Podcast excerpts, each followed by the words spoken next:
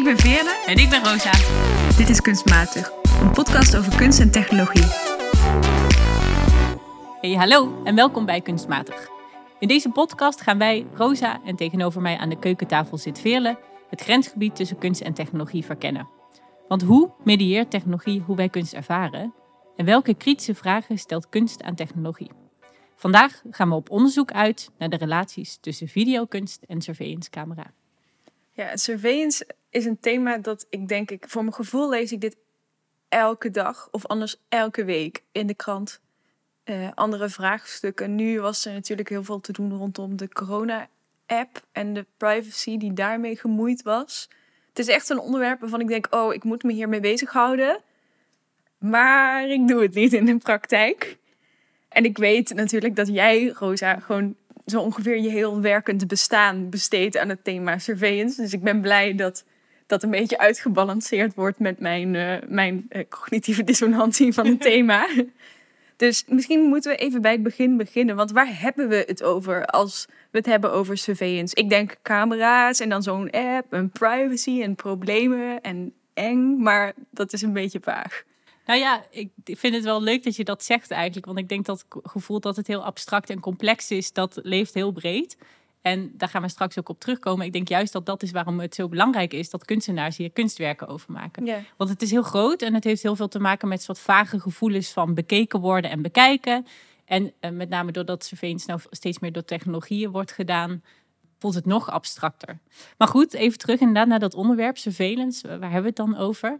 Het gaat eigenlijk heel simpel om toezicht houden, het bekijken en het verzamelen van informatie over personen, om ook daarmee bepaalde vormen van gedrag te bepalen.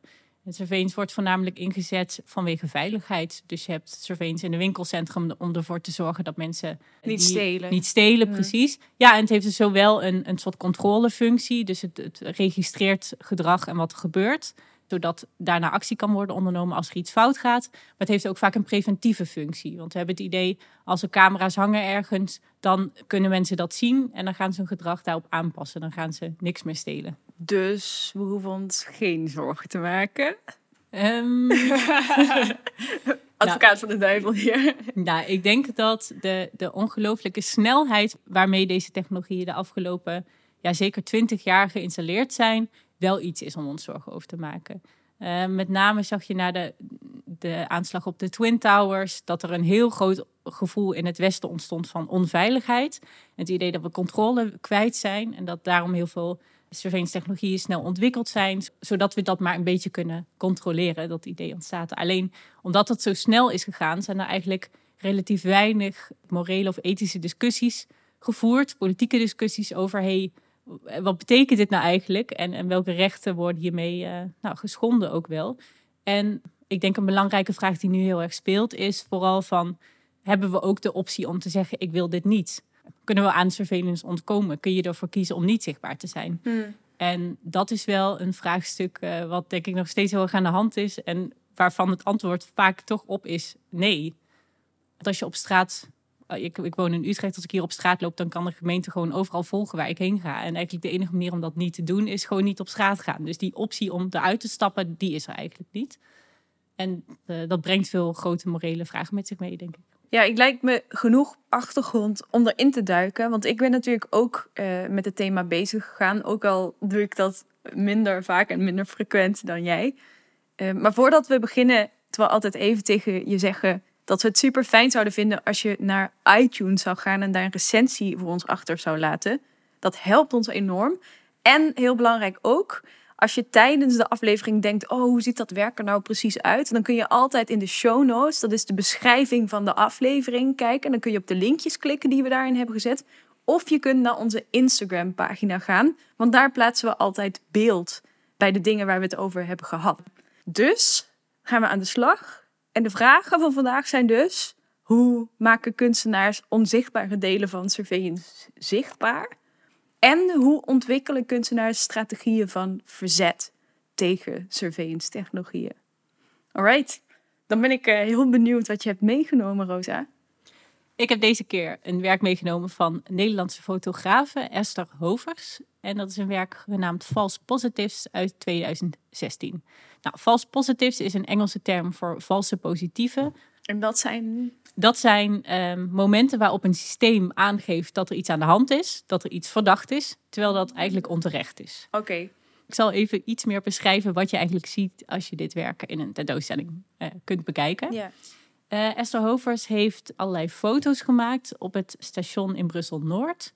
En eh, voordat ze die foto's heeft gemaakt, is ze in gesprek gegaan met ontwikkelaars van intelligente surveillance-camera's. En wat we op die foto's zien, zijn allemaal scènes die zich in die omgeving afspelen.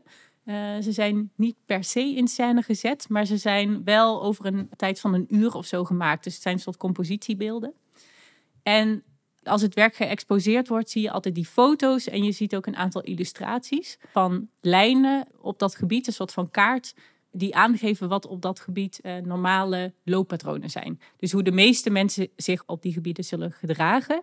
En je ziet een aantal illustraties van anomalieën, dus eigenlijk afwijkende vormen van gedrag, eh, die die surveillance experts gebruiken om die camera's mee te ontwikkelen. Dus om een voorbeeldje te geven, blijkbaar is het over het algemeen verdacht als iemand ergens lang stilstaat. Of als een groep mensen zich voorbeweegt. Of als mensen de hele tijd achteruit zitten te kijken. Dus dat zijn een soort van afwijkingen van normaal gedrag. Um, op een station dan, specifiek? Ja, op, station. op, dat station? Ja, op dat station, maar volgens mij ook wel vaker hoor. dus eigenlijk in, in, publieke, in publieke context, in, in het publieke ruimte. En wat ze met haar, die combinatie van die elementen, dus die illustraties en die foto's eigenlijk doet, is dat je zelf een beetje gaat kijken als een surveillance camera. En dat vind ik heel interessant aan het werk. Het spoort namelijk heel erg aan om te denken, als ik een surveillance camera was, wat zou ik dan hier als verdacht gedrag aanmerken? En wat zijn dat dan voor dingen waar, toen jij het werk zag? Kun je je nog herinneren wat jij als surveillance camera dan dacht? Ja, er is één foto waarbij uh, je allerlei mensen ziet wachten op de bus. En dan is er iemand aan het rennen, midden op die straat. En door de context van het werk denk je meteen, ach tuurlijk, dit is hier het afwijkende gedragpunt. En ik merk ook wel, ik, ik kijk soms met andere mensen naar, dit, naar deze beelden, dat iedereen ook altijd zegt, oh natuurlijk, die man die hier rent, die is hier verdacht. en wat het, wat interessante aan is, is dat je dus meteen ziet hoe wij uh, ideeën hebben over normaliteit en afwijkendheid. Dus op het moment dat iemand iets anders doet dan de groep, vinden we dat meteen inherent ja, ja. Uh, verdacht. Doordat gevoel naar boven te halen, denk ik dat Esther Hovens op een hele mooie manier laat zien hoe camera's uh, helemaal niet zo neutraal zijn als we altijd denken. Kun je dat even uitleggen? Hoe bedoel je dan niet neutraal? Nou, we denken altijd dat mensen vaak vooringenomen zijn, vooroordelen hebben wanneer ze naar ruimtes kijken. En dat camera's eigenlijk een soort objectieve registratie zijn van een bepaalde publieke ruimte. Maar op deze manier, of door dit kunstwerk, dat we denk ik dat we heel erg zien hoe ook die ideeën over afwijkend gedrag natuurlijk samenhangen met stereotypen en ook niet per se altijd inherent kloppen. Dus het is niet per se altijd inherent verdacht dat je in een ruimte rent als de rest stilstaat. Kan ook zijn omdat je de bus moet halen. Mhm. Alleen door de context van die beelden en doordat je meteen vanuit zo'n blik kijkt waarin je op zoek gaat naar het verdachte gedrag, wordt dat rennen ineens super verdacht. Dus het laat denk ik heel erg zien hoe die camera's uh, nou ook wel met een bevooroordeelde blik kijken. En, meteen op zoek gaan naar uh, alles wat, wat afwijkt, is meteen inherent potentieel crimineel. Ja, je bedoelt dus dat die camera's soort van net als mensen soort gericht zijn op groepsgedrag. En dat dat dan normaal gesproken goed zou zijn. En dat dan wat niet het groepsgedrag is, dat dat dan potentieel verdacht is. En dat is dan wat die camera soort van aangeleerd heeft. Ja, precies. Ja, oké. Dus het zijn self-learning camera's of self-learning uh, algoritmische systemen, waarbij eigenlijk op basis van bepaalde patronen die camera steeds beter leert te herkennen wat afwijkend gedrag is. En dat systeem en hoe dat precies werkt, is iets waar we vaak gewoon niet zo snel over nadenken. En ik denk doordat ze in False Positives laat zien uh, ja, hoe dat werkt en dat je zelf een beetje als zo'n camera gaat kijken, dat je ook, ook kunt gaan nadenken over hey, wie bepaalt eigenlijk wat normaal gedrag is? Hoe programmeren we die camera's? En ook wat zijn de negatieve consequenties daarvan? Dus het werk heet vals positives, valse positieve, omdat er heel vaak ook kwestie is van vals alarm. Inderdaad, omdat die persoon misschien rent omdat hij de bus wil halen. En op het moment dat je afwijkt, ben je eigenlijk meteen verdacht. Dus we zijn allemaal potentieel verdacht in de ogen van die camera. En dat is best wel een grote impact op, op mensenrechten, denk ik. En op hoe we naar elkaar kijken en hoe we ons tot elkaar verhouden. Ja, en nu zitten we gelijk bij een hele grote, soms best abstracte discussie. En als we dan weer teruggaan naar dit werk.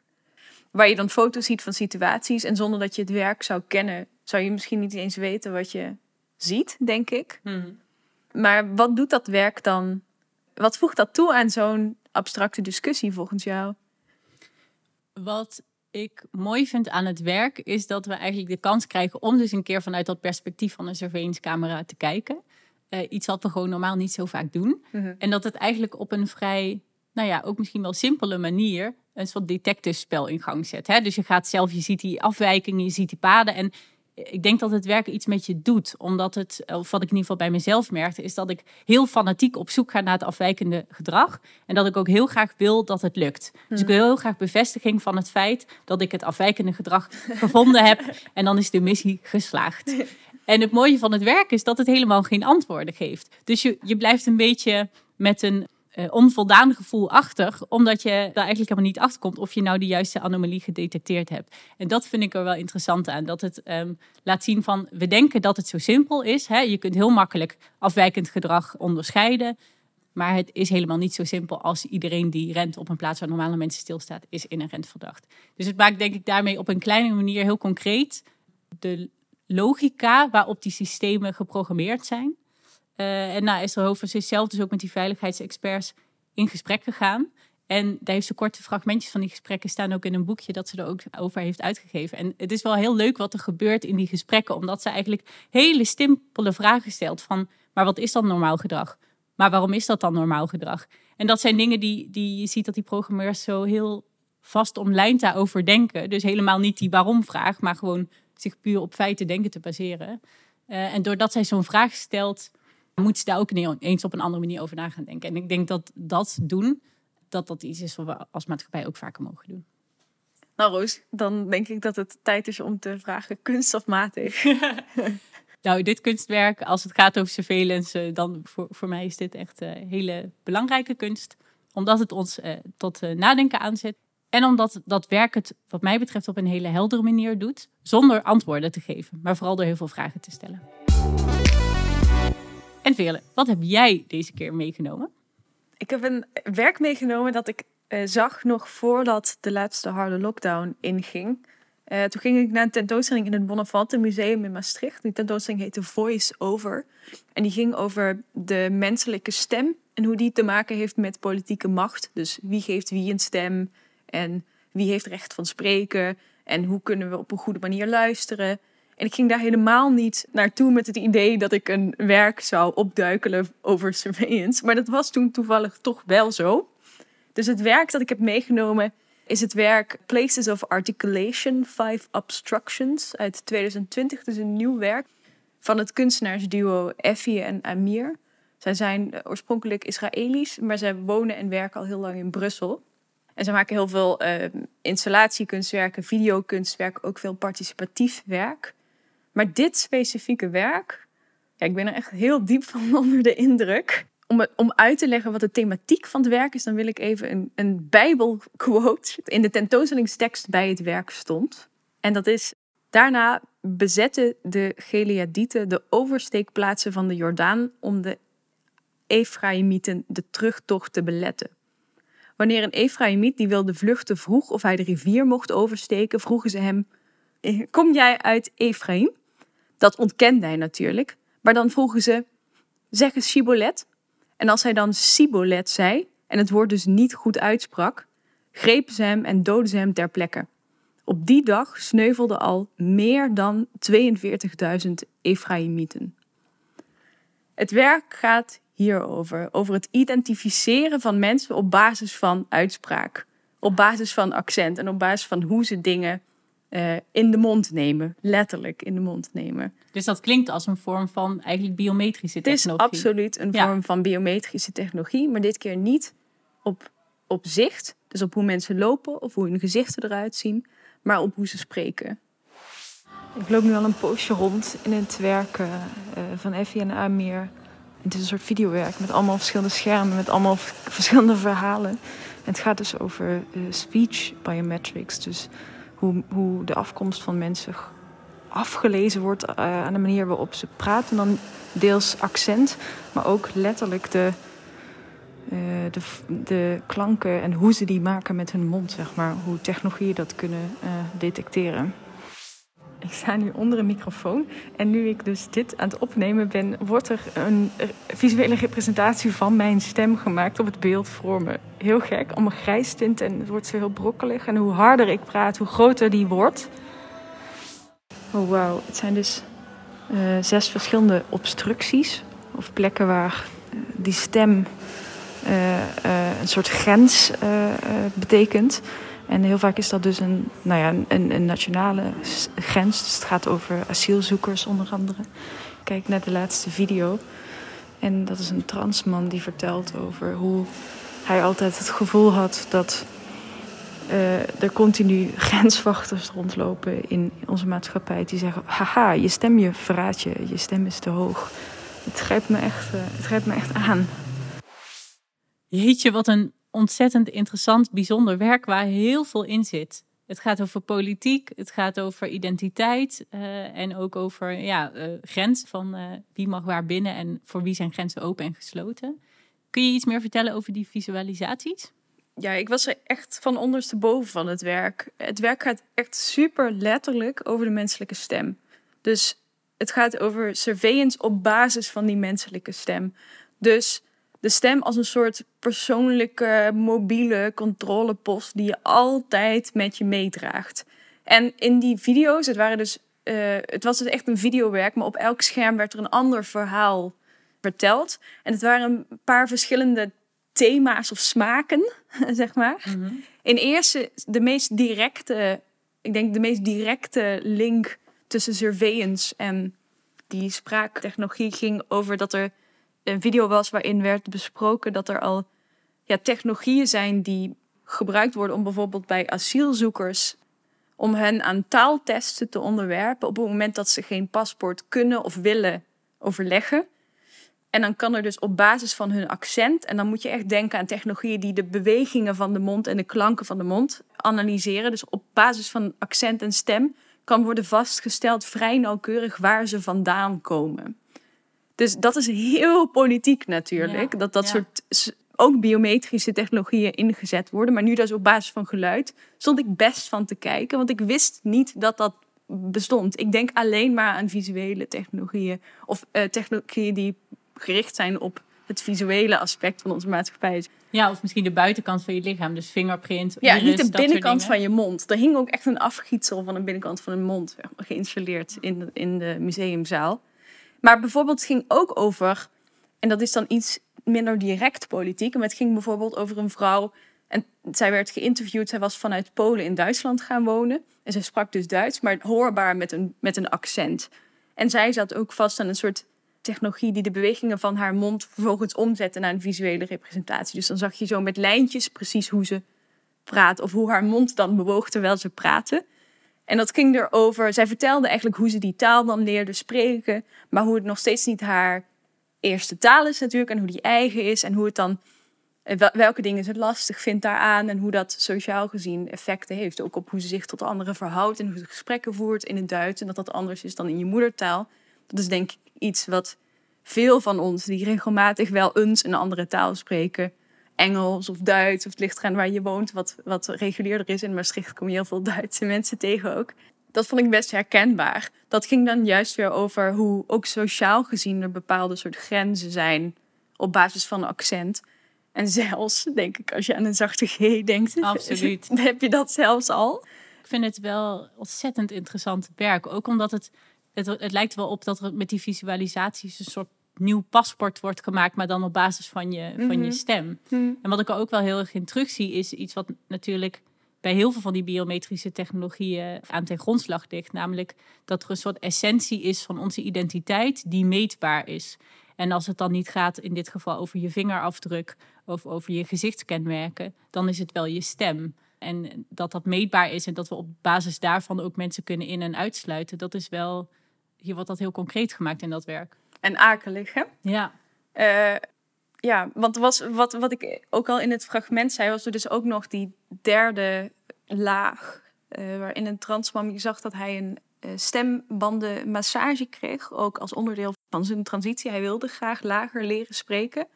Maar tijdens die massage sprak hij met de masseuse over die ervaringen. En over hoe hij dus in zijn dagelijks leven constant wordt in en uitgesloten op basis van zijn stem. Ja. En ik vond dat zo'n, dat was zo'n ontzettend concreet voorbeeld. En ook zo emotioneel en pijnlijk. Mm. Dat ik dacht, oh jeetje, ik heb hier nog nooit op die manier bij stilgestaan. Maar op het moment dat ik dat hoorde, dacht ik, het doet ook wel weer zoveel denken aan uitsluiting op basis van accent. En allerlei ideeën die je ook hebt bij stemmen die je hoort in het dagelijks leven. Wat voor dingen je daaraan vastmaakt qua waardeoordelen.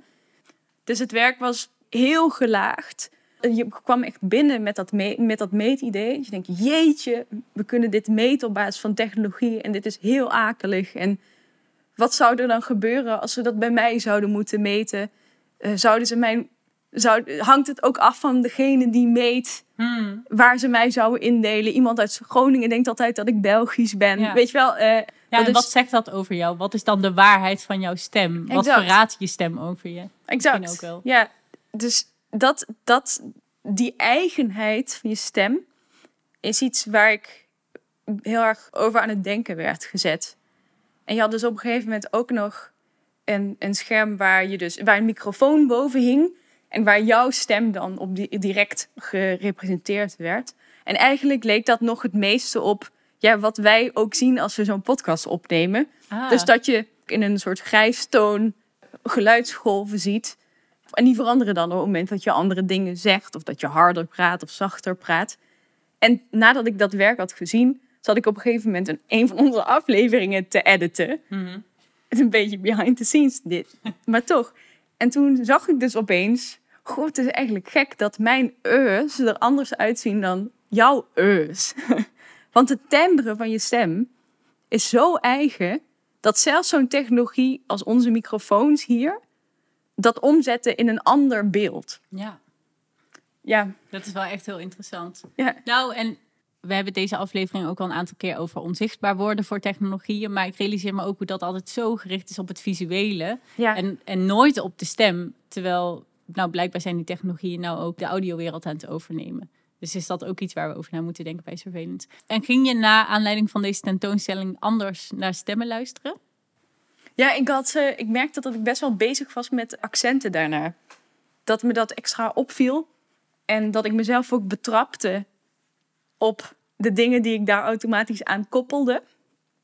Dus dat je, ja, heel suf, maar als iemand met een heel zwaar accent spreekt, dan merk ik dat ik daar bepaalde aannames en vooroordelen en zo automatisch aan vastkoppel. Toen dacht ik, wow, dit doe ik ook alleen op basis van de stem van dezegene. Hm. Of dat het me ineens begon op te vallen dat het soort stemmen dat wij horen op radio en televisie, dat dat best wel een beperkt type stem is. Stemmen die we dan dus algemeen geaccepteerd prettig vinden om naar te luisteren. En dat zit dan in accent, maar ook in een soort timbre Ja. en een manier van spreken en een ritmiek in die stem.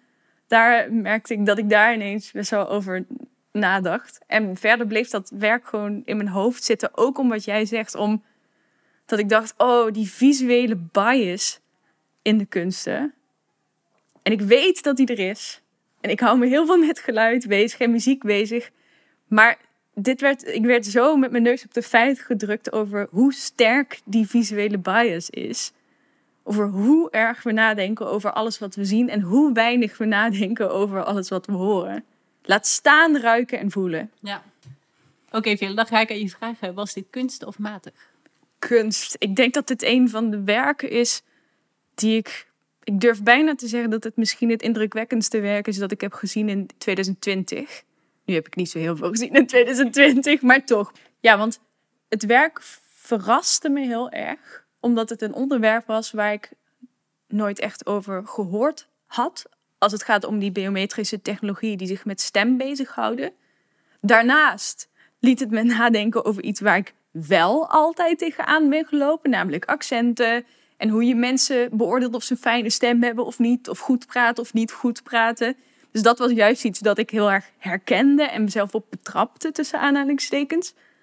En daarnaast vond ik het ook emotioneel best wel een heftig werk, omdat je ook zag aan de mensen die ze interviewden, sommigen, dat dit echt impact had op hun leven.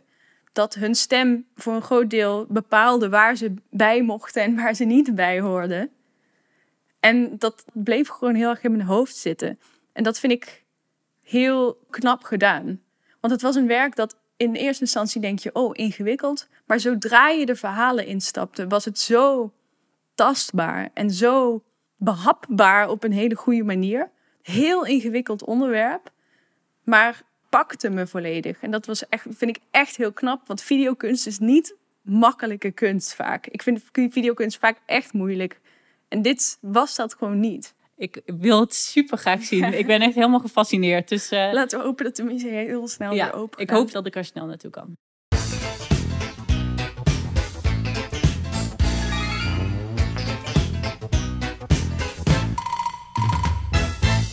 In onze rubriek Gekke Gadget nemen we elke aflevering een gadget mee. Een leuke speelse manier waarop je met de technologie waar we het over hebben vaak aan de slag kan gaan. En dit keer hebben we weer eens een gadget die stiekem ook een heel klein beetje een kunstwerk is. Het zal ook eens niet. Uh, namelijk het werk CV Dazzle is een DIY make-up tutorial van Adam Harvey. Ja, een DIY make-up tutorial, dat is dus dat je filmpjes waarbij je zelf aan de slag kunt gaan met make-up aanbrengen op je gezicht. En het CV Dazzle project is eigenlijk bedoeld als een camouflagestrategie tegen surveillance. Als we het hebben over gezichtsherkenning, dan zien camera's, die halen eigenlijk bepaalde aspecten uit je gezicht naar voren of die scannen ze. En op basis daarvan kunnen ze je gezicht herkennen. En wat het idee is van het CV Dazzle project, is eigenlijk dat je door bepaalde vlakken op je gezicht aan te brengen, dat systeem uh, verward en daardoor onherkenbaar wordt door die systemen. En wat het interessant is aan het project is dat het in eerste instantie dus door een kunstenaar gemaakt is, maar het is heel erg opgenomen door veel activisten ook. Het wordt gebruikt in protestbewegingen op straat, omdat het eigenlijk een hele uh, makkelijke manier is en toegankelijke manier is om jezelf onzichtbaar te maken. En de dazzle, dat is goed om even te zeggen, de dazzle in de naam, die refereert aan de dazzle camouflage, wat een concept is uit de Eerste Wereldoorlog. Want in de Eerste Wereldoorlog was het op een gegeven moment zo dat er werd veel met duikboten gewerkt door de vijand, door de Duitsers. En het was eigenlijk onmogelijk om schepen te camoufleren voor die duikboten. Dat bleek niet zo effectief. En toen werd er dus een strategie ontwikkeld die super tegenintuïtief is. Namelijk camouflage door hyperzichtbaar te worden. Heel concreet betekende dit dus dat er schepen werden geschilderd in abstracte gekleurde patronen. Alsof het soort cubistische schilderijen zijn. Het is heel, heel, heel absurdistisch. Je moet het echt googlen. Het ziet er heel raar uit. Een soort zebraboten worden het. En doordat die schepen zo hyper zichtbaar waren en in van die abstracte patronen, werden ze niet onzichtbaar voor de vijand, maar maakten ze de vijand als het ware in de war. Dus het werd veel moeilijker om afstand in te schatten, om te zien welke kant de boot uitvaarde, op wat voor snelheid, waardoor aanvallen plannen veel ingewikkelder werd. Dus de vijand maak je in de war doordat je jezelf ultra zichtbaar maakt op een onverwachte manier. Ja, en dat concept is eigenlijk precies wat dus in die make-up tutorials gebruikt wordt, maar dan op het gezicht.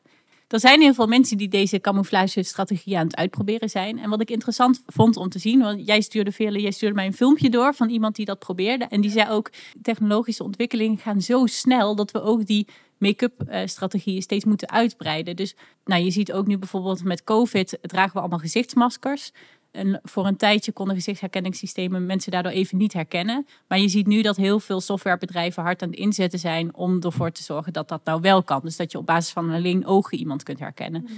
Nou, en dat is natuurlijk iets waar die make-up strategieën ook op moeten worden aangepast. En in het filmpje wat jij doorstuurde, Vele, zag je een uh, make-up artist die liet zien hoe ze bijvoorbeeld gebruik maakten van reflecterende steentjes of eigenlijk diamantjes. Ja, van die plakdiamantjes, van die stickertjes, waar je gewoon zo'n doos bij de HEMA kunt kopen, die je ook met carnaval, sorry, dit is mijn referentiekader, zo op je gezicht om je ogen kunt plakken als deel van je schmink. Zij, zij beschreef dus dat ze had ontdekt dat die heel goed werkte. Omdat die deels reflecteren en omdat die een soort verhoging zijn op je gezicht. En die technologieën die zij wilde foppen, die waren heel erg gericht ook op de diepte in je gezicht. Dus dat soort dingen probeerden ze eruit te halen. Dus het was heel onregelend om daadwerkelijk 3D-dingetjes op je gezicht te plakken. Ja, precies. En dingen waarmee het licht heel erg werd gereflecteerd. Ja. Dus ik denk dat het CV Dessel, nou, het is een, een kunstproject, maar ook een bepaalde vorm van gadget. Je kunt er zelf mee aan de slag gaan. En ik zou jou als luisteraar een keertje uitnodigen om het zelf te gaan proberen. En je kunt er heel goed mee experimenteren, bijvoorbeeld met je webcam of camera van je telefoon. En kijken wat er gebeurt uh, en hoe je ervoor kunt zorgen dat je onzichtbaar wordt voor die camera's. Ja, en het is heel specifiek dus. Dus je gaat een andere strategie moeten toepassen om de face recognition van je telefoon te foppen dan bijvoorbeeld een camera op straat. Dus je ziet dat mensen daar erg mee experimenteren en elkaar tips geven op basis van wat ze uitvinden. En wat ik heel fascinerend vond, was dat het dus ook gebruikt werd bij protesten en gebruikt wordt bij protesten in de US. Dus bij de Black Lives Matter protesten Tegelijkertijd is het natuurlijk ook een manier om een groepsidentiteit uit te stralen. Het is een verzet op je gezicht. Dus het kan je zowel onherkenbaar maken. En het kan ook juist iets, iets uitdrukken, een, een boodschap die je belangrijk vindt. Dus in die zin, nou, wederom is het eigenlijk hyper zichtbaar voor andere mensen. Kun je er echt een statement mee maken. Maar kun je ook technologie eh, ermee uh, foppen. En ik denk zeker als het gaat over protesteren, dat dat wel heel belangrijk kan zijn. Want nu meer en meer camera's worden ingezet bij protesten om mensen te herkennen en soms ook zelfs te vervolgen, moeten we denk ik wel echt nadenken over hoe we dat kunnen tegen. Op een sokkeltje. Deze keer op het sokkeltje hebben we een werk waar we allebei al jaren fan van zijn, namelijk een werk van kunstenaar Hito Starl. En dit werk heeft een vrij onmogelijke titel, namelijk How Not to Be Seen.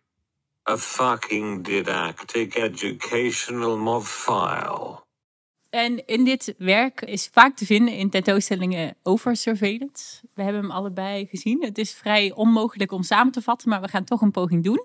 En ik ga nu alvast zeggen dat ik het je echt aanraad om hem online eh, te bekijken. Dat kan namelijk. Check de link in de show notes. Je kunt de hele video kijken en laat het even helemaal over je heen komen. Echt doen. Maar we gaan hier toch een poging wagen. Laten we beginnen bij Hito Style zelf.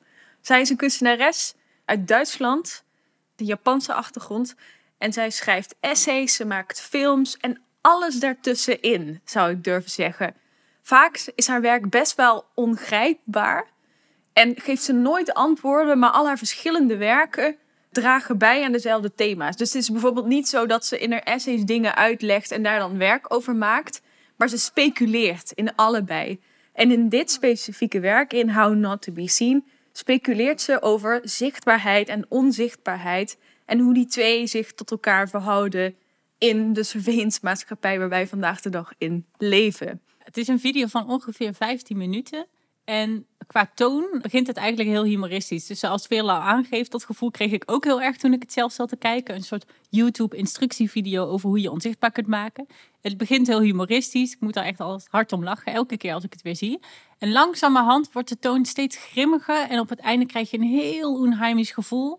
En denk je, je klopt echt iets niet. Uh, er is wat aan de hand. Dus het begint heel concreet. Les 1. Lesson 1. There are four ways to make something invisible for a camera. To hide.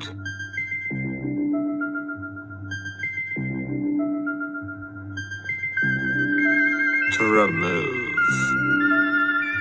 Hoe kun je iets onzichtbaar maken voor een camera? En het is heel duidelijk, er is de hele tijd een mevrouw in het zwart gekleed, dat is Starl zelf. En die demonstreert direct wat je moet doen. Ze staat voor een greenscreen met een soort zwart-wit bord in haar hand. En dat bord dat blijkt later een scherpte-testkaart. Dus waarmee je kunt testen of je camera goed scherp telt en je foto's goed scherp zijn. Dus dan is het les 1 van hoe kun je je onzichtbaar maken. En dan zijn de tips letterlijk van het niveau verstop je. Stap uit beeld. Dat is, het, dat is het niveau heel praktisch. En dan stapt zij dus uit beeld zodat je ziet wat ze betekent. ze doet het allemaal even voor. En na die wat meer basic stappen gaat ze ook over tot vormen van camouflage. Dus daar zie ik eigenlijk ook wel een verbinding met de gadget die we deze keer bespraken. Ze tekent een soort strepen op haar gezicht. En omdat ze voor een green screen staat, krijgt haar gezicht allerlei verschillende kleuren. En is ze minder herkenbaar als mens. Langzaam maar zeker wordt duidelijk dat het werk bevraagt wat zichtbaarheid eigenlijk betekent. En dat het verkent wat de grenzen van die betekenis eigenlijk zijn.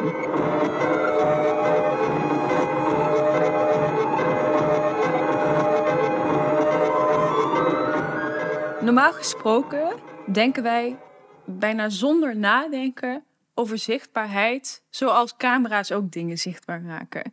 Dus als het binnen beeld valt en hoe dat. We hebben dat gekopieerd naar onze aannames over zichtbaarheid.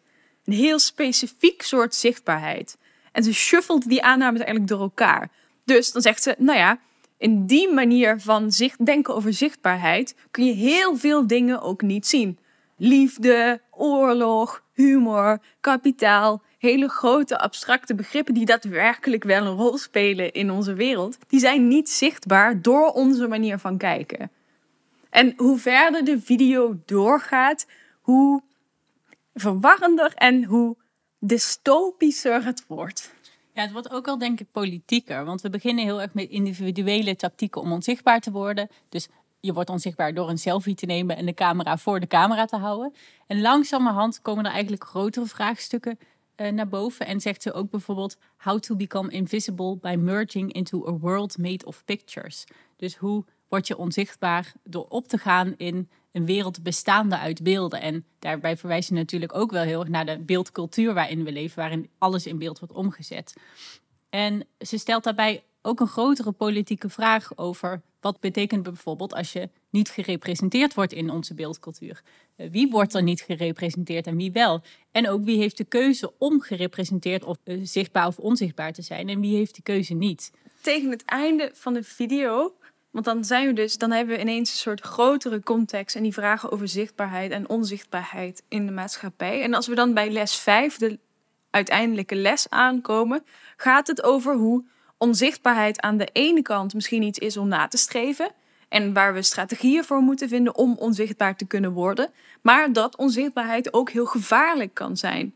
Van letterlijk verdwijnen naar oneenigheid met de staat of een andere politieke macht tot niet erkend worden als mens of als organisatie. Een beetje grappig, maar ook pijnlijk waar is dat die robotstem dan zegt: vrouwen van over de 50 worden bijvoorbeeld ook steeds onzichtbaarder in onze maatschappij. Minder mensen luisteren naar ze. En op die manier wordt het je steeds meer pijnlijk duidelijk dat er geen helder onderscheid is. Het is niet zo dat onzichtbaar goed is en zichtbaar slecht of andersom. Het is veel complexer en het zit veel ingewikkelder in elkaar. Ja, en wat ze in dit werk daarmee duidelijk laat zien is hoe vragen van onzichtbaarheid en zichtbaarheid heel erg samenhangen met machtsstructuren ook. He, wie heeft de keuze om onzichtbaar te zijn en wie heeft de keuze om zichtbaar te zijn? En aan het einde van de video zie je allerlei hele naargeestige beelden van een soort gated community. Dus een architectonisch uh, filmpje, promotiefilmpje van een afgesloten uh, groep mensen, wat heel erg beeld oproept van een soort elite die ervoor kan kiezen om onzichtbaar te blijven. En dat contrast is zo groot hè, met wat van schimmen die we daar zien. Ze die leven in een afgesloten wereld en die hebben daar zelf beschikkingsrecht op. En mensen die eigenlijk door de staat geëlimineerd worden, onzichtbaar worden gemaakt. En dat contrast, daarmee laat ze inderdaad precies wat jij zegt, veel zien dat het gewoon niet zo simpel is. En als je dan denkt, oh wat een naargeestig werk, het laat je helemaal verward achter. Oké, dan is het misschien waar. Maar dan zou Hito Style, niet, niet zijn als ze dan niet vervolgens afsluiten met het nummer When Will I See You Again.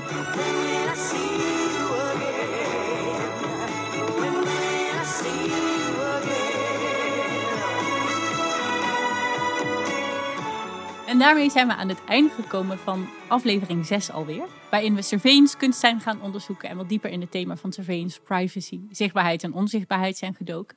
Ja, ik zou zeggen, wat let je nog? Ga heel snel het werk van Hito Sterl bekijken, want het staat gewoon online.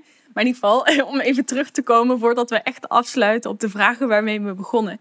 Ik denk dat we een heel erg breed spectrum hebben gezien van kunstenaars die van op verschillende manieren, maar ook verschillende soorten van surveillance bevraagden, ja, zichtbaar maakten.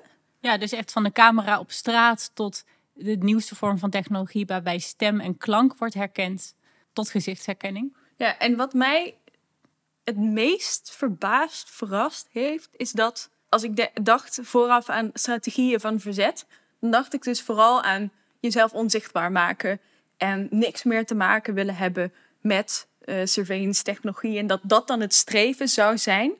En nu blijkt dat het veel ingewikkelder is. Dus dat het ook gaat over juist hyperzichtbaar zijn, of meer de regie in eigen handen nemen en je bewustzijn van je zichtbaar en onzichtbaarheid. Dus meer een soort bewustzijn dan een soort militante verdediging en verzetsstrategieën. Die zijn er ook, die hebben we ook besproken, maar dat is lang niet het enige. Ja, absoluut. En ik denk daarom dat we in deze tijd kunstenaars heel erg nodig hebben om met creatieve oplossingen of creatieve strategieën te komen. Want het is niet zo simpel als zeggen ik gebruik die technologie niet. We kunnen er vaak gewoon niet aan ontsnappen. Dus wat we wel nodig hebben is strategieën of manieren waarbinnen we binnen dit systeem alsnog ons kunnen verzetten. En of je nou besluit om je gezicht elke dag te gaan schminken of niet. ik denk wat die kunstenaars in ieder geval doen, is even een moment uh, creëren waarbij je erbij stilstaat.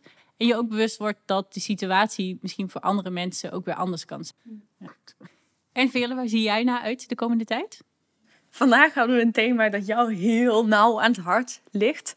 Volgende keer hebben we een aflevering waar ik heel enthousiast van raak. En dat is? Nou ja, dan gaat het over de relaties tussen kunst en wetenschap. Dus hoe kunstenaars bij kunnen dragen aan wetenschappelijke methodes, hoe ze ook hun praktijk nieuwe kennis, nieuwe soorten van kennis oplevert. Daar vind ik heel veel dingen van. Vind ik ook heel spannend. En ik ben me al helemaal aan het verdiepen in het project dat ik heel graag met jou wil bespreken. Maar ik hou het nog even voor mezelf. data gaat het over data. Spannend. Ik ben heel benieuwd.